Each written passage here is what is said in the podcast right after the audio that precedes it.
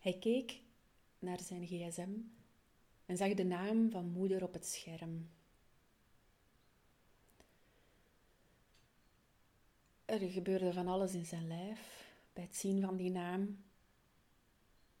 En ja, dat was omdat er een mail was binnengekomen van moeder in zijn inbox. Hij kreeg meteen die ellendige krop in zijn keel, alsof zijn adem stokte, alsof dat daar een grote bal in zijn keel zat.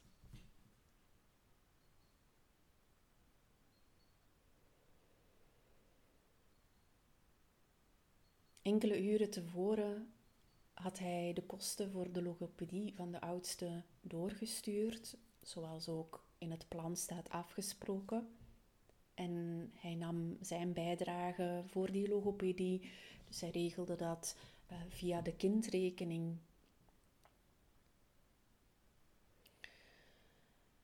En ja, hij wist al dat daar reactie op was. Um, hij kende dit scenario al. En hij wou die mail niet lezen, beloofde niks goeds. Hij kende dat al. En de kinderen, die waren nu bij hem. Dus ja, hij wou ook niet met die mails bezig zijn. Hij wou ook niet... Die krop in zijn keel wou hij ook niet. Dus hij zat tot tobben enkele uren. Lees ik die mail, lees ik die niet? En ja, iemand in zijn omgeving had gezegd, ja, lees die mail gewoon en antwoord daarop. Maar ja, zo gewoon was dat niet, maar oké, hij besloot dan toch na enkele uren om die mail te lezen. Er stond veel in, niks nieuws, en toch raakte het hem weer. En hij kon kwaad worden op zichzelf voor dat laatste, dat hem dat raakte, want waarom? wou dat niet. Nu, dit verhaal kan ook over een moeder gaan. Voor het gemak neem ik hier voor dit verhaal vader, maar dit kan even goed over een moeder gaan. En in die mail, dus wat hij daar wel uithaalt op het einde, is: Moeder stelt voor om in bemiddeling te gaan over de kosten voor de kinderen. Dus ze waren al vier jaar gescheiden, dat, ging niet van een leien dakje. Integendeel, een helse lawine al die jaren. En op zich, ja, geen ongewoon voorstel. Hè? Bemiddeling, mediation. Hè, dat is wat mensen doen wanneer dat er een conflict is. Hè? Dan, dan los je dat op. Dus geen ongewoon voorstel. Maar in, tussen hem en moeder speelden ze zich toch wat ongewone dingen af. Zowel in de relatie als na het beëindigen van de relatie, na de scheiding.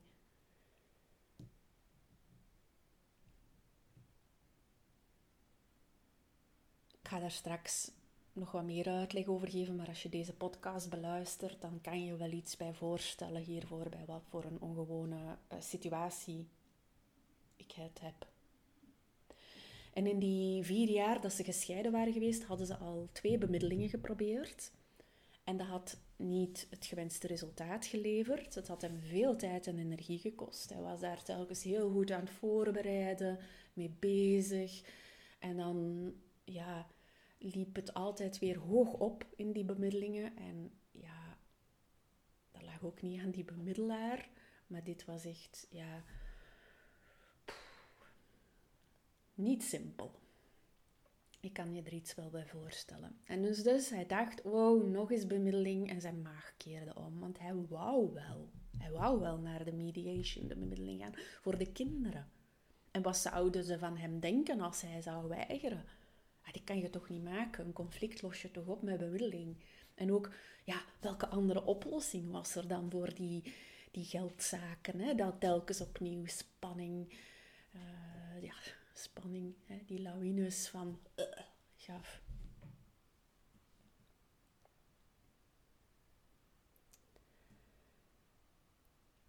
Welkom bij de Straffe Ouders na de Scheiding podcast. Ja, ik moet een beetje lachen omdat mijn intro wat heel lang was. Ik heb heel het verhaal ehm, afgerond. Allee, een stuk van een verhaal, van een fictief verhaal afgerond.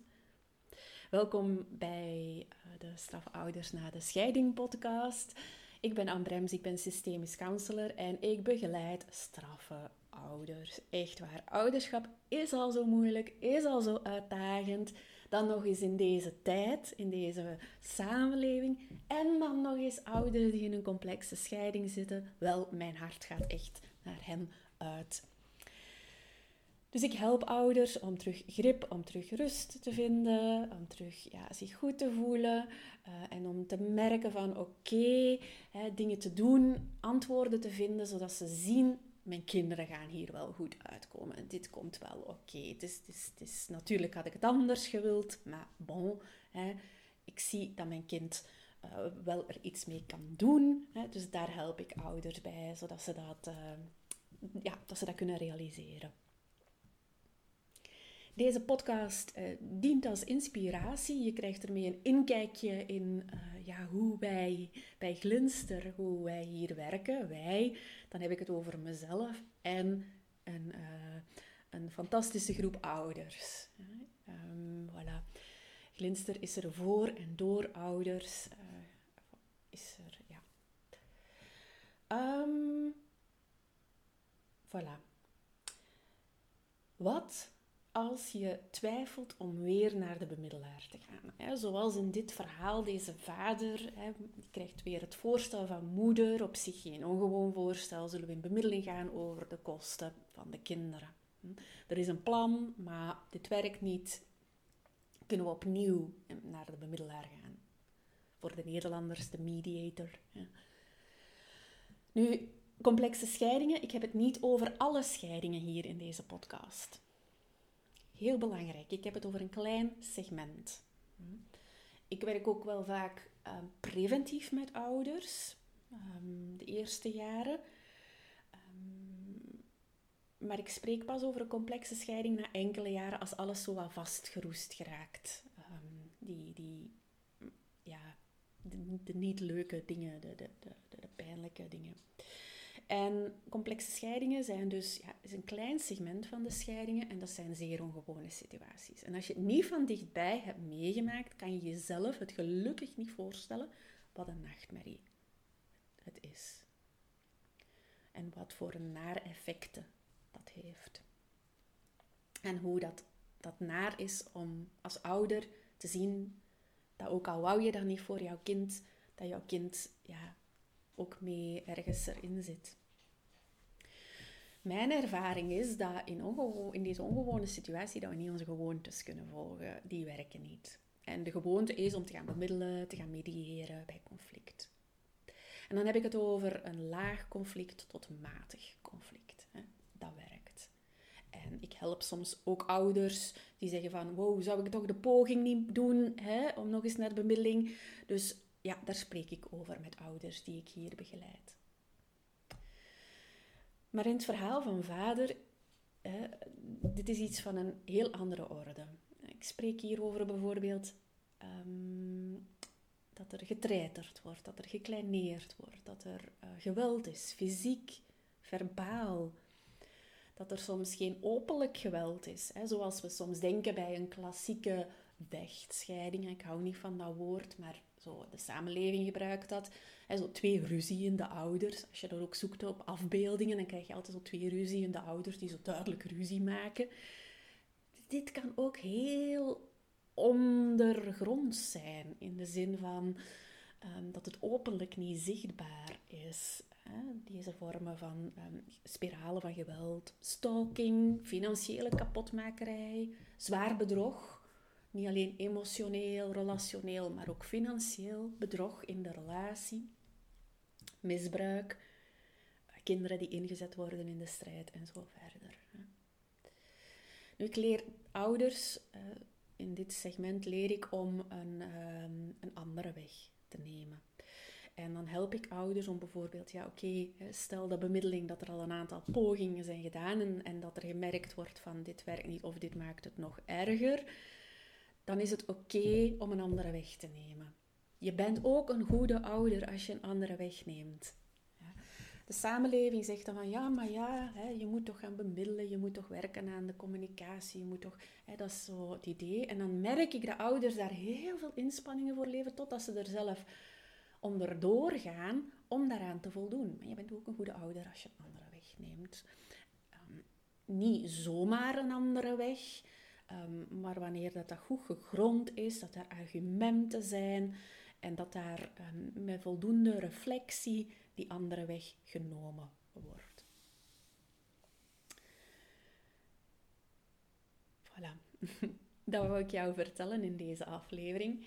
Um, als je zegt van uh, potjandori, ik, ik, ik herken hier iets van en ik ben dat beu. Hè? Ik wil daar ook um, wat meer steun in, wat meer tools, wat meer handvatten om daar sterker in te staan. Want als je, dit, is, dit is wel even hard werken. Want de samenleving zegt, oh, ja, je moet dit, je moet dat. En je hoort dat ook in, in, in, in, de adviezen die je dan krijgt. Dus het is wel even hard werken om om te gaan met de druk van bemiddeling, van mediation.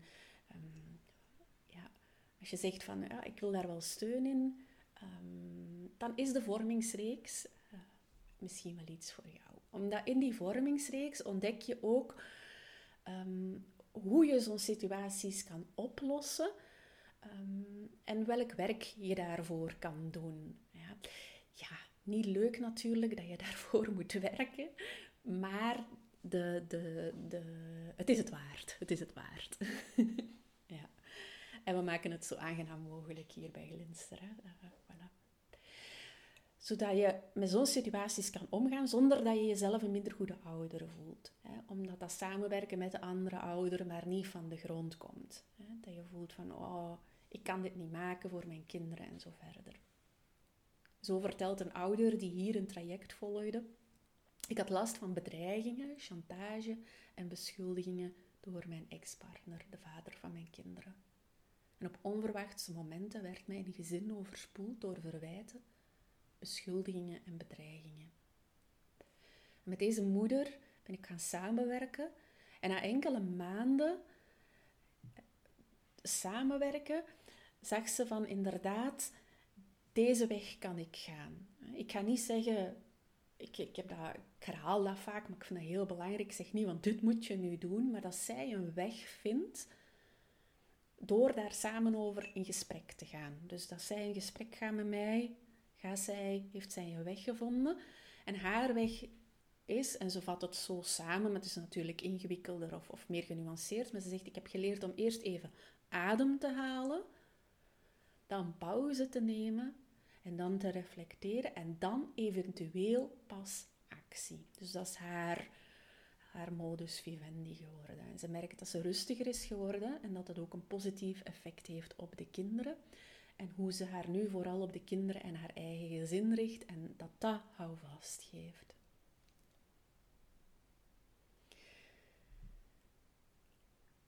Voilà. Ik ben daar juist nog even vergeten te zeggen dat, om, om nog af te ronden, um, stel dat je zegt, oké Anne, ik wil, ik wil daar um, jouw hulp bij. Hè.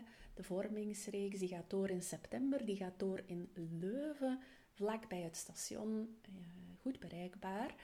Um, en wij gaan jou gedurende die vormingsreeks, gaan wij dit proces voor jou in de stijgers zetten. Um, voilà. Alle informatie, dat wou ik dus zeggen, over die vormingsreeks lees je op www.glinster.co slash vormingsreeks. Heb je daar een vraag over? Wil je meer informatie? Aarzel niet om mij te contacteren. Um, ik help jou graag verder volgende week ga ik het hebben over um, ja, communicatie met de advocaat. Ja. Dus we gaan het hebben over het juridische, over um, rechtbank, advocaten. Voilà. Graag tot de volgende keer. Bedankt voor het luisteren. Tot ziens.